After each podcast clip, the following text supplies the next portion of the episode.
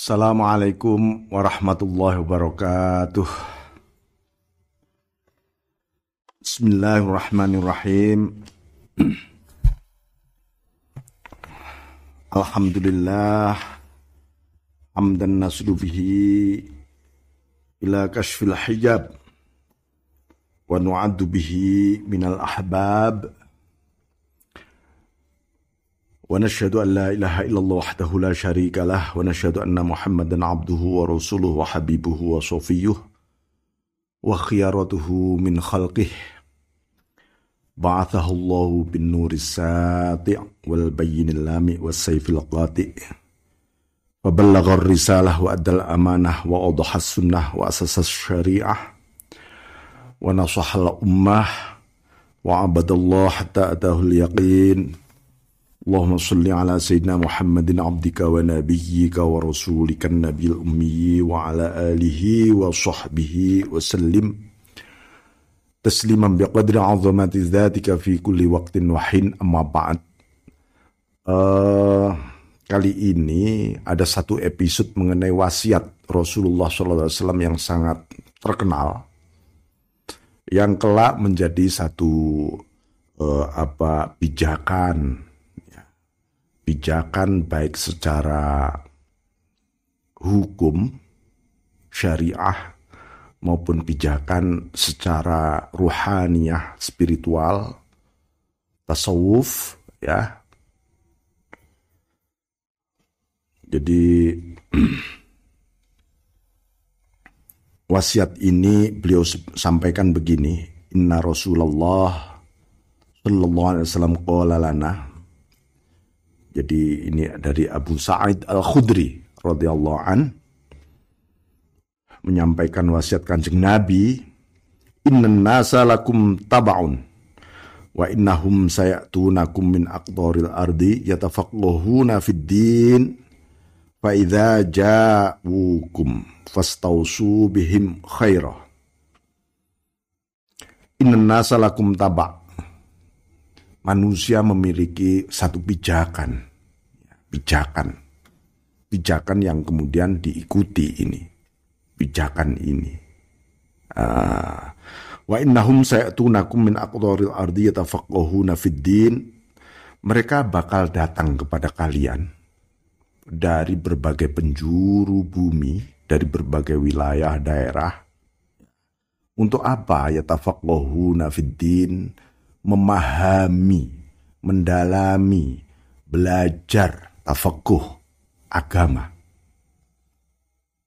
Baik dari dimensi pengetahuan mengenai muamalah zohiriyah berupa syariah, fikih maupun muamalah qalbiyah berupa iman, melaksanakan iman ini bagaimana, mendalami iman itu seperti apa, tauhid itu bagaimana, dan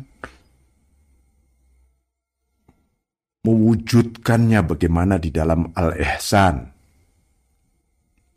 yang didalaminya melalui pengetahuan-pengetahuan tasawuf ruh yang ada di dalam kolbu hingga sir hingga hakikat daripada diri manusia itu sendiri atau fitrah manusia itu sendiri. Nah, itu semua uh, menunjukkan ini betapa akan senantiasa bahwa umat butuh pijakan, butuh panutan. Butuh panutan kepada apa? Kepada ahlinya di bidang agama maka ini semua berarti juga harus kita persiapkan. Maka seorang sufi mengatakan ulama itu memang harus dikader. Dikader ulama itu. Dan ngadernya tidak mudah memang. Butuh waktu, butuh ketahanan mental yang luar biasa, butuh kecerdasan intelektual, ya Nah, eh, kalau para aulia, para wali itu yang ngader Allah Subhanahu wa taala sendiri. Nggak ada ceritanya, wah nanti kalau sudah memahami level tertentu lalu menjadi aulia gitu. Enggak. Karena wali itu Allah. Itu opsionalnya Allah subhanahu wa ta'ala. Ya. Fa'idha ja'akum Fa'idha ja'ukum fastausu bihim khair. Kalau mereka semua pada datang kepadamu ya berilah dia wasiat, beri dia tausiah, beri dia mereka-mereka ini uh, pemahaman agama khairan yang bagus. Ya, kebaikan.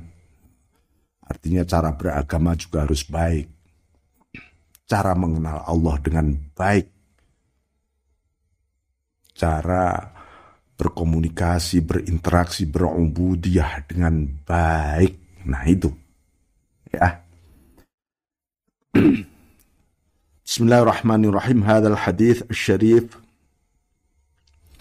uh, yazdibul arif ila talabi hadithil Mustafa wa sunnatih. Hadis ini mendorong para arifun, orang-orang yang mengenal Allah untuk berburu, hunting, terhadap apa? Sunnah sunnahnya Rasulullah SAW sunnah sunnahnya itu berupa ucapannya tindakannya akhlaknya adabnya. Kenapa? Liyakuna mahaluna dhorihi an-nabawi. Agar pandangan-pandangannya tetap memiliki atmosfer nabawiyah. Jadi para arifun ahlul ma'rifah, ahlullah, para sufi, itu pijakannya adalah nabi. Bukan berdiri sendiri, seperti sangkaan orang, dugaan orang, tuduhan. Bahkan mungkin juga tuduhan para orientalis yang menyebutkan bahwa tasawuf itu oh, adalah oh, sinkretisme dari ajaran Hindu, Buddha, ini macam-macam yang ini tentu saja satu pandangan yang memang ngawur gitu loh ya, memang ngawur. Jadi tasawuf itu adalah roh dari ajaran Nabi Shallallahu Alaihi Wasallam, roh spiritual. Ah, karena itu roh ini senantiasa uh, ada semacam satu aturan-aturan di sana kemudian.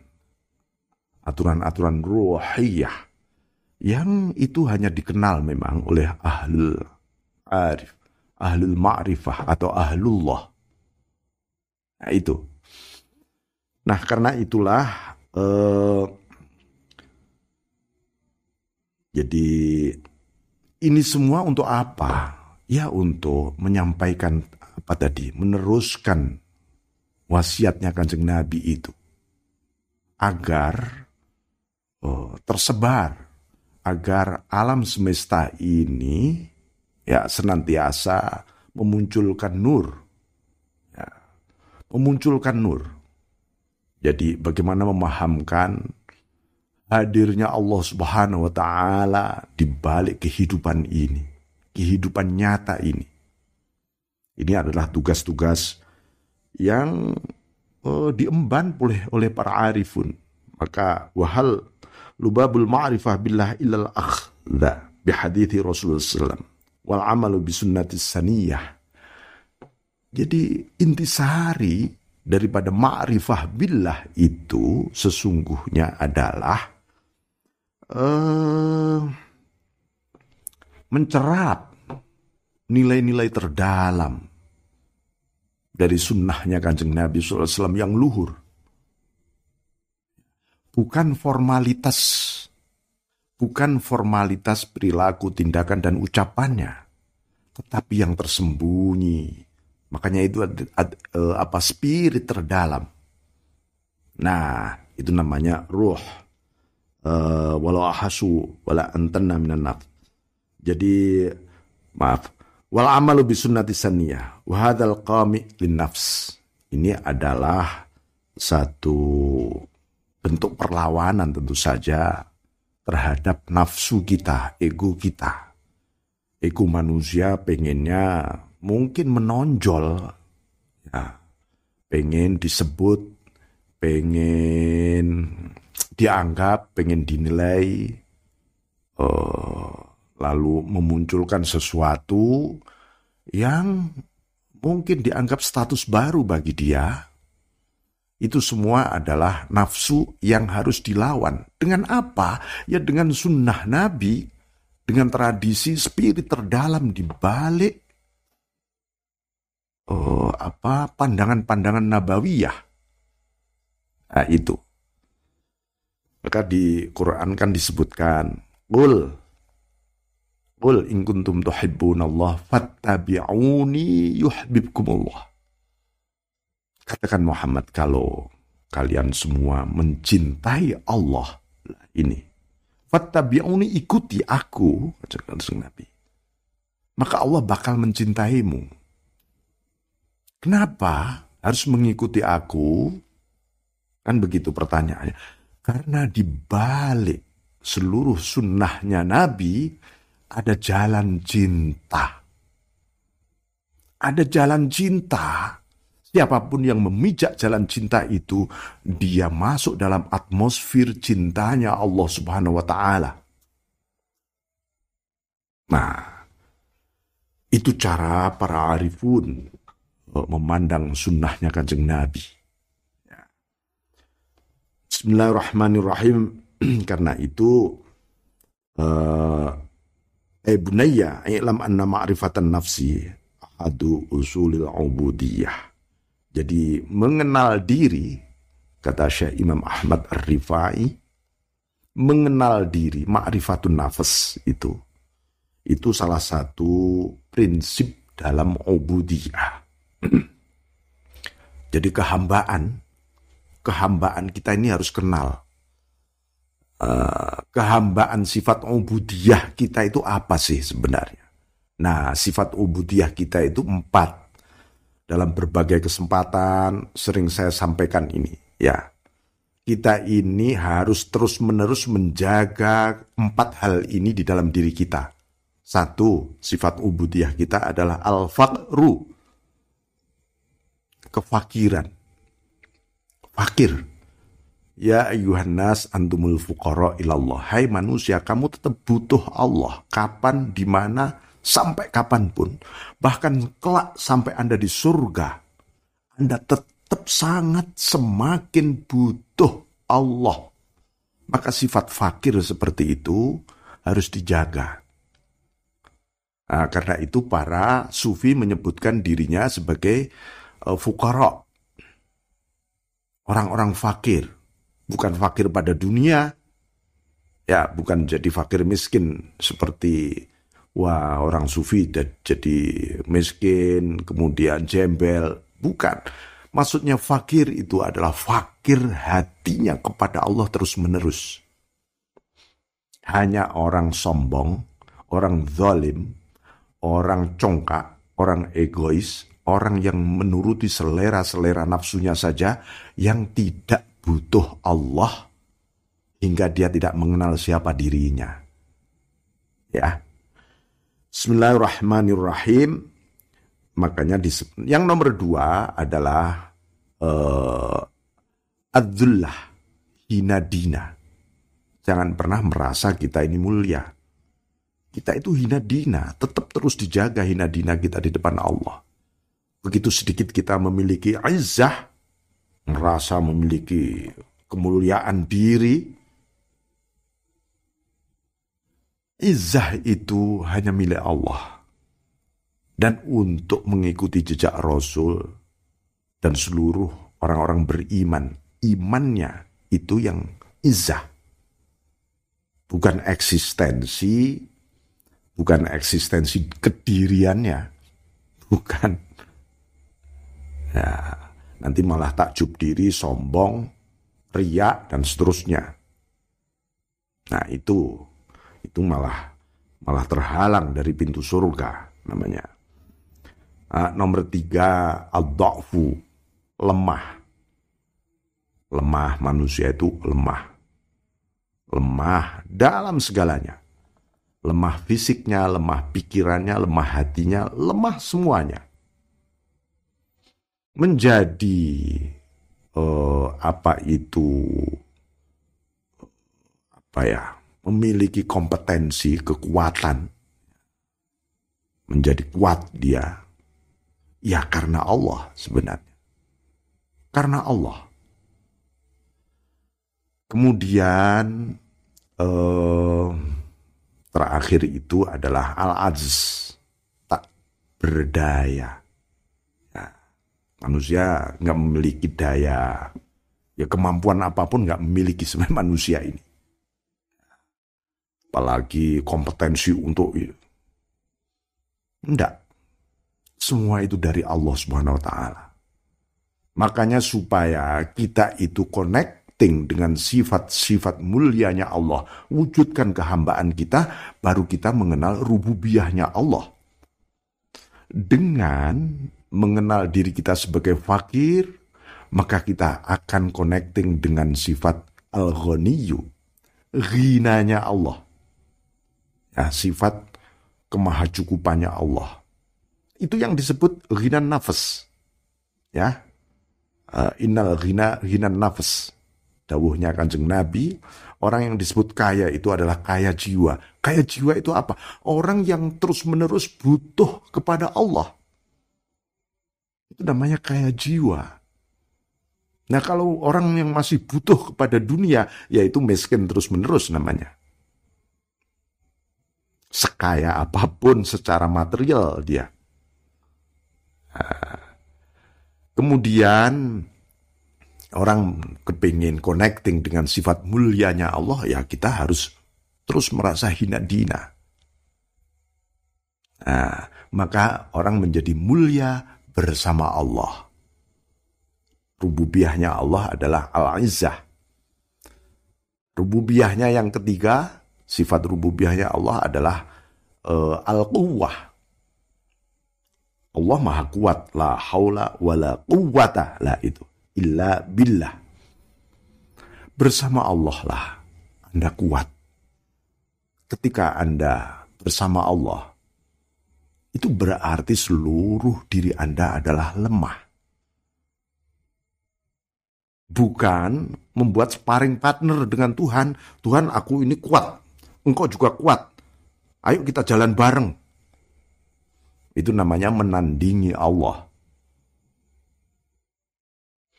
Orang baru connecting dengan sifat maha kuatnya Allah kalau dia merasakan maha lemah dirinya Ya. Itu caranya kita bertakhaluk, berakhlak dengan akhlaknya Allah itu begitu. Jadi manusia mengenal dirinya, dia mengenal Tuhannya. Itu loh. Man arofa nafsah fakot arofa robbah. Makanya ditekankan.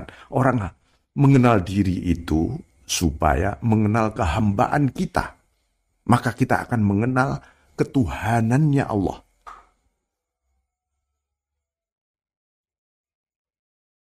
Ya.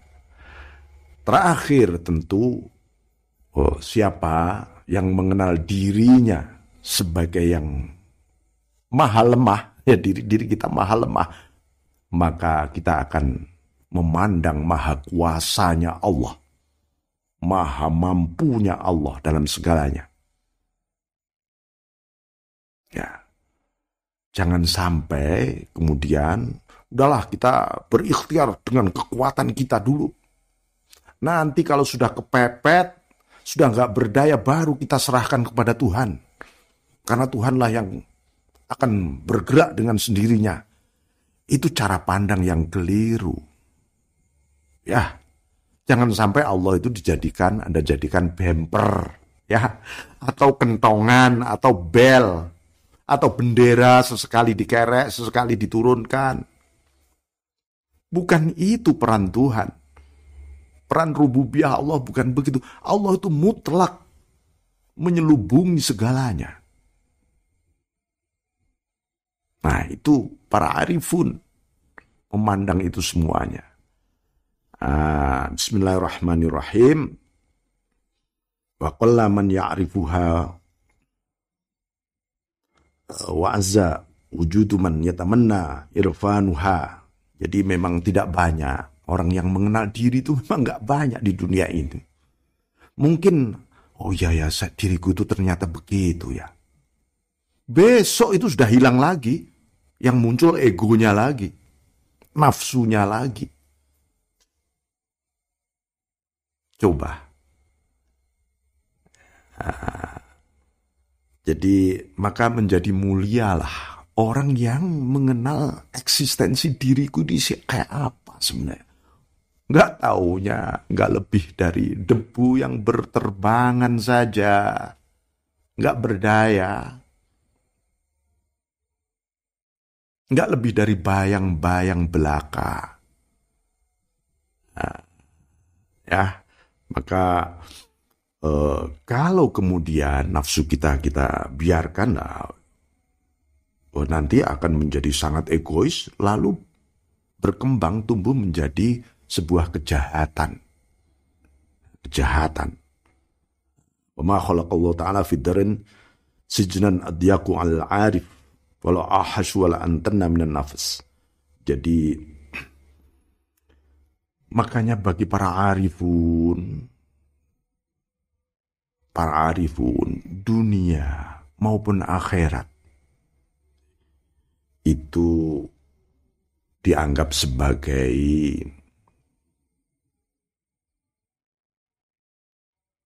penjara bagi para arifun. Bagi para arifun. Bagi mukmin biasa, dunia jadi penjara. Ad-dunya sijul mukminin wa jannatul kafirin.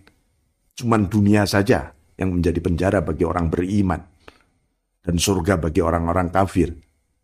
Tapi bagi para arif, ad-darain, dunia maupun akhirat, itu bisa menjadi penjara. Kenapa? Kenapa? Ya, kita sebagai awamul mu'minin, amatul mu'minin, itu bisa saja terjadi menikmati dunia nggak taunya ini penjara. Bagi para arifun menikmati akhirat dengan segala indahnya surga dengan ini malah bisa menja bisa menjadi penjara karena apa? Karena dia takut kehilangan Allah Subhanahu wa taala. Itu para arifun. Jadi para arifun itu sebenarnya pasca dunia dan pasca akhirat. Ini satu kuantum. Ya, satu kuantum untuk liqa. Dan begitu juga wala auhasya wala antenna minan nafas. Tidak ada yang lebih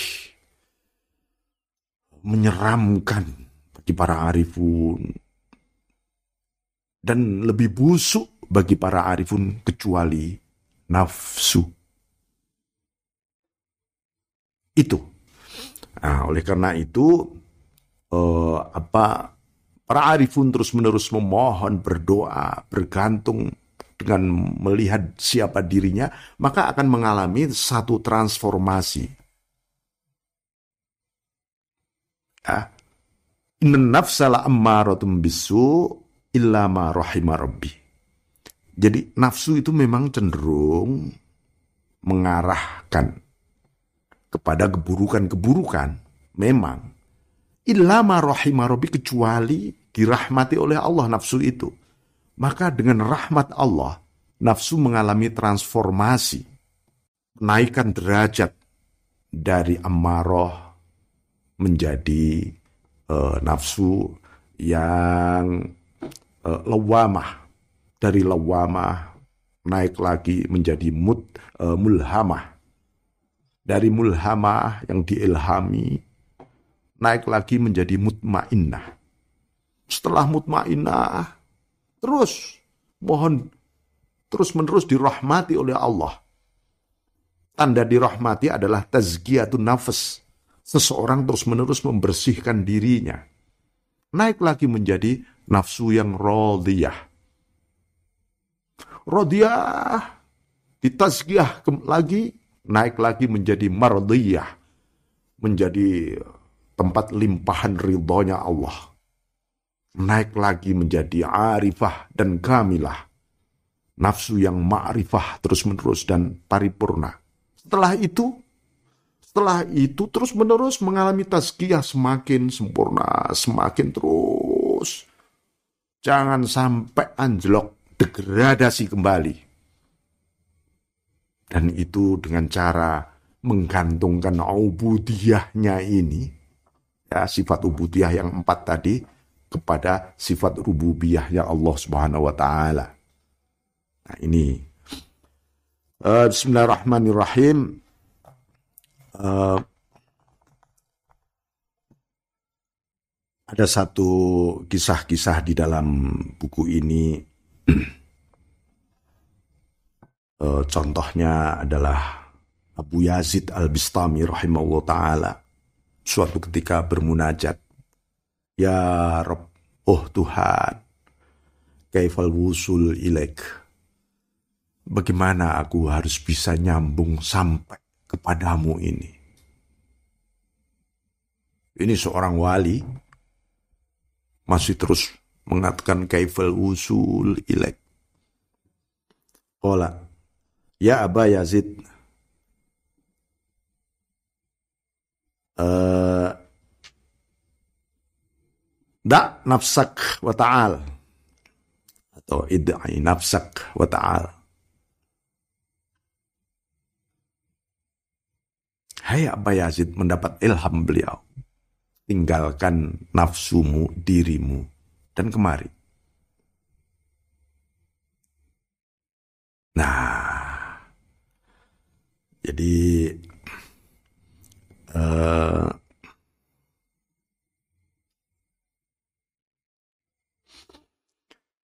ada seorang bijak suatu ketika bertemu dengan seseorang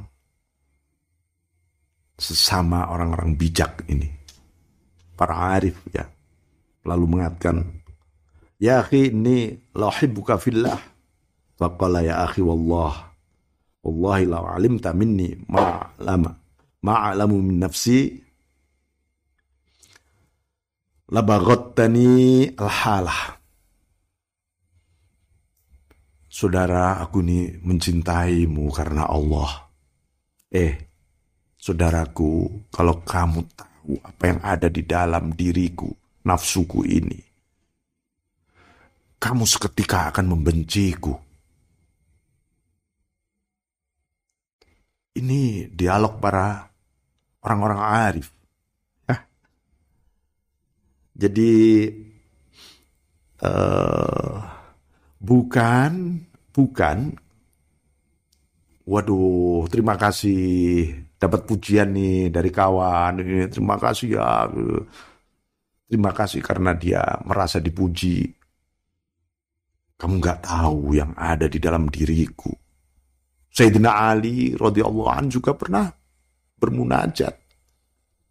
Ketika beliau dipuji oleh eh, sahabat-sahabatnya yang lain beliau berdoa ya Allah ya Tuhan janganlah engkau siksa diriku, karena mereka tidak tahu siapa diriku.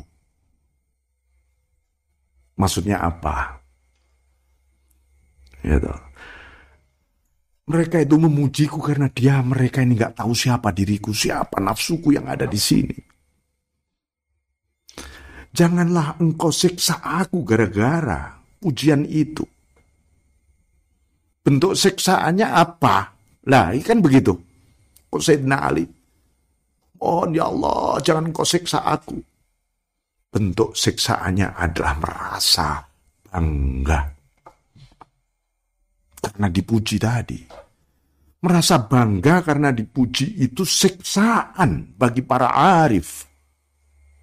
Ya, bagi para arif itu siksaan.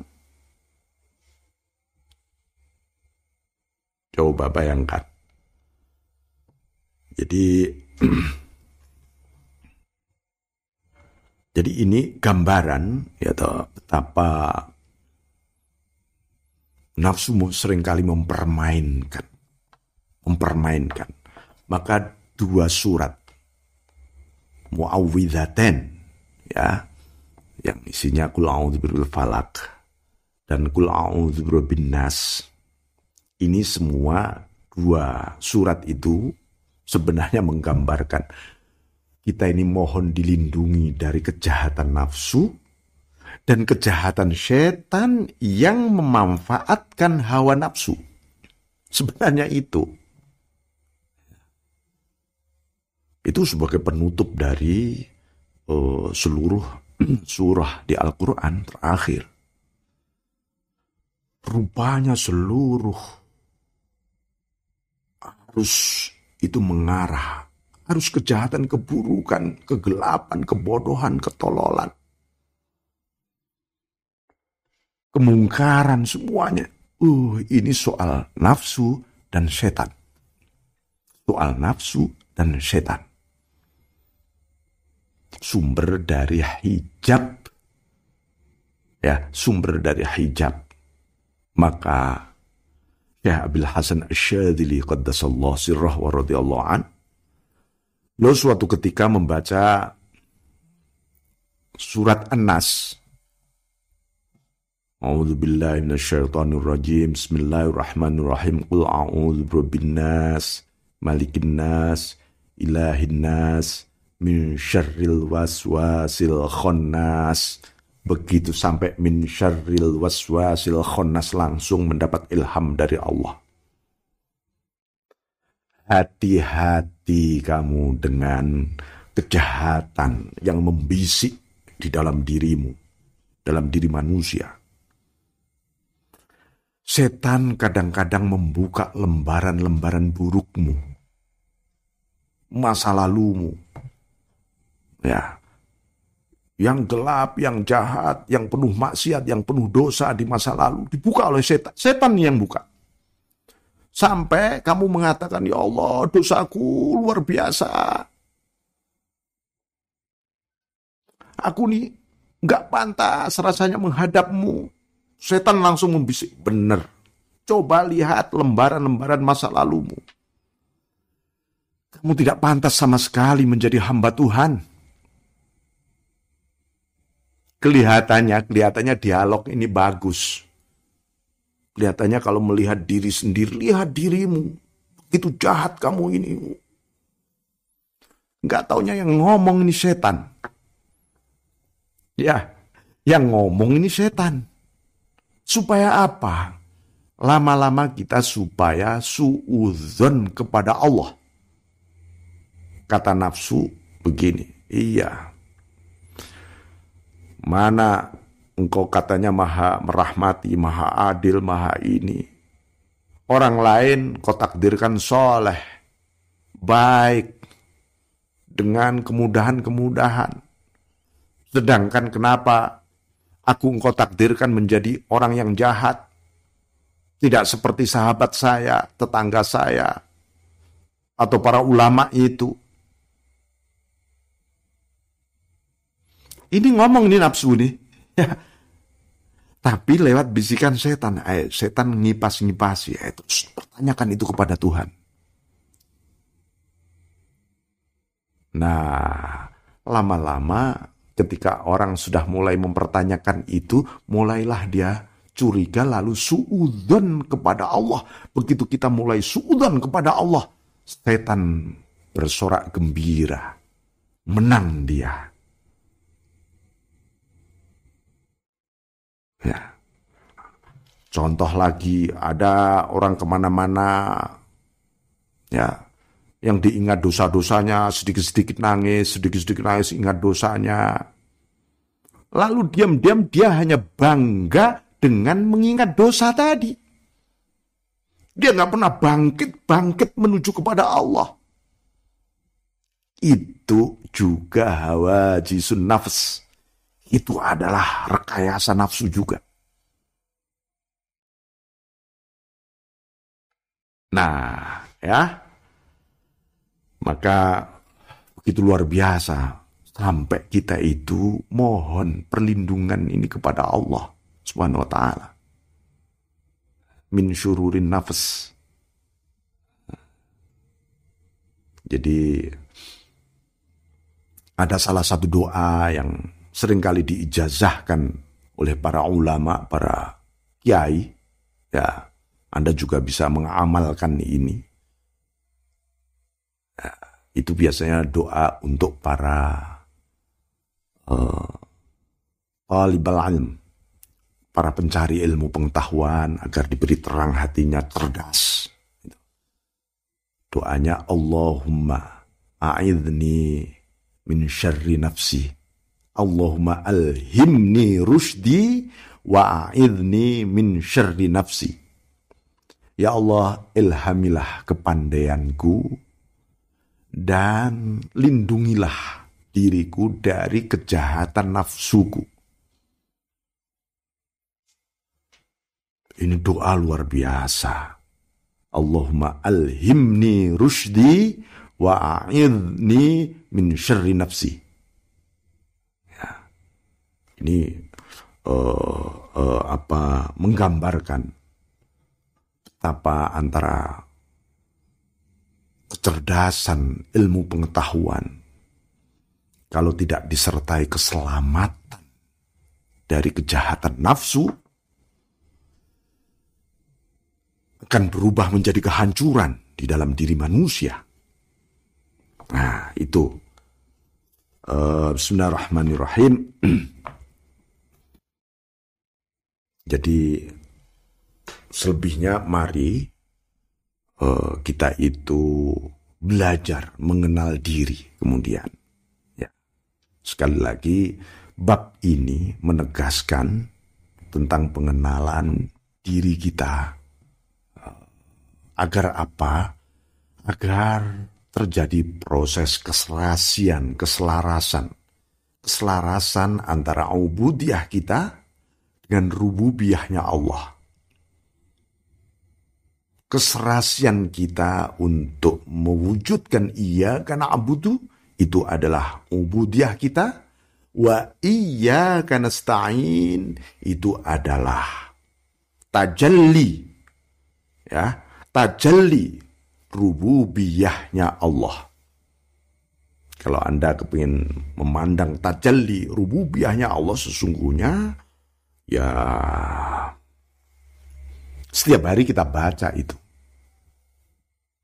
Makanya hayati ketika kita menyebut iya karena abud maka seluruh diri kita fana sebenarnya. Wa iya karena stain itulah bakoknya Allah. Iya karena abud itulah syariah kita. Wa iya karena stain itulah hakikat Iya karena abud. Itulah seluruh ikhtiar mujahadah perjuangan akhirnya adalah ubudiyah. Wa iya karena stain. Itulah wusul, itulah wuslah, itulah ma'rifah.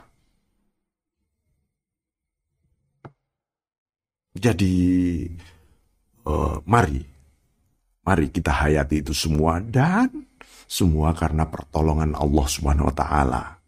Tetap setelah ayat itu adalah ihdinas siratal mustaqim. Ya. Ya Allah, tunjukkanlah jalan yang lurus. Jalan yang lurus adalah jalan perwujudan iya karena abudu wa iya karena stain. Demikian Walafu minkum wallahu muwafiq ila Assalamualaikum warahmatullahi wabarakatuh.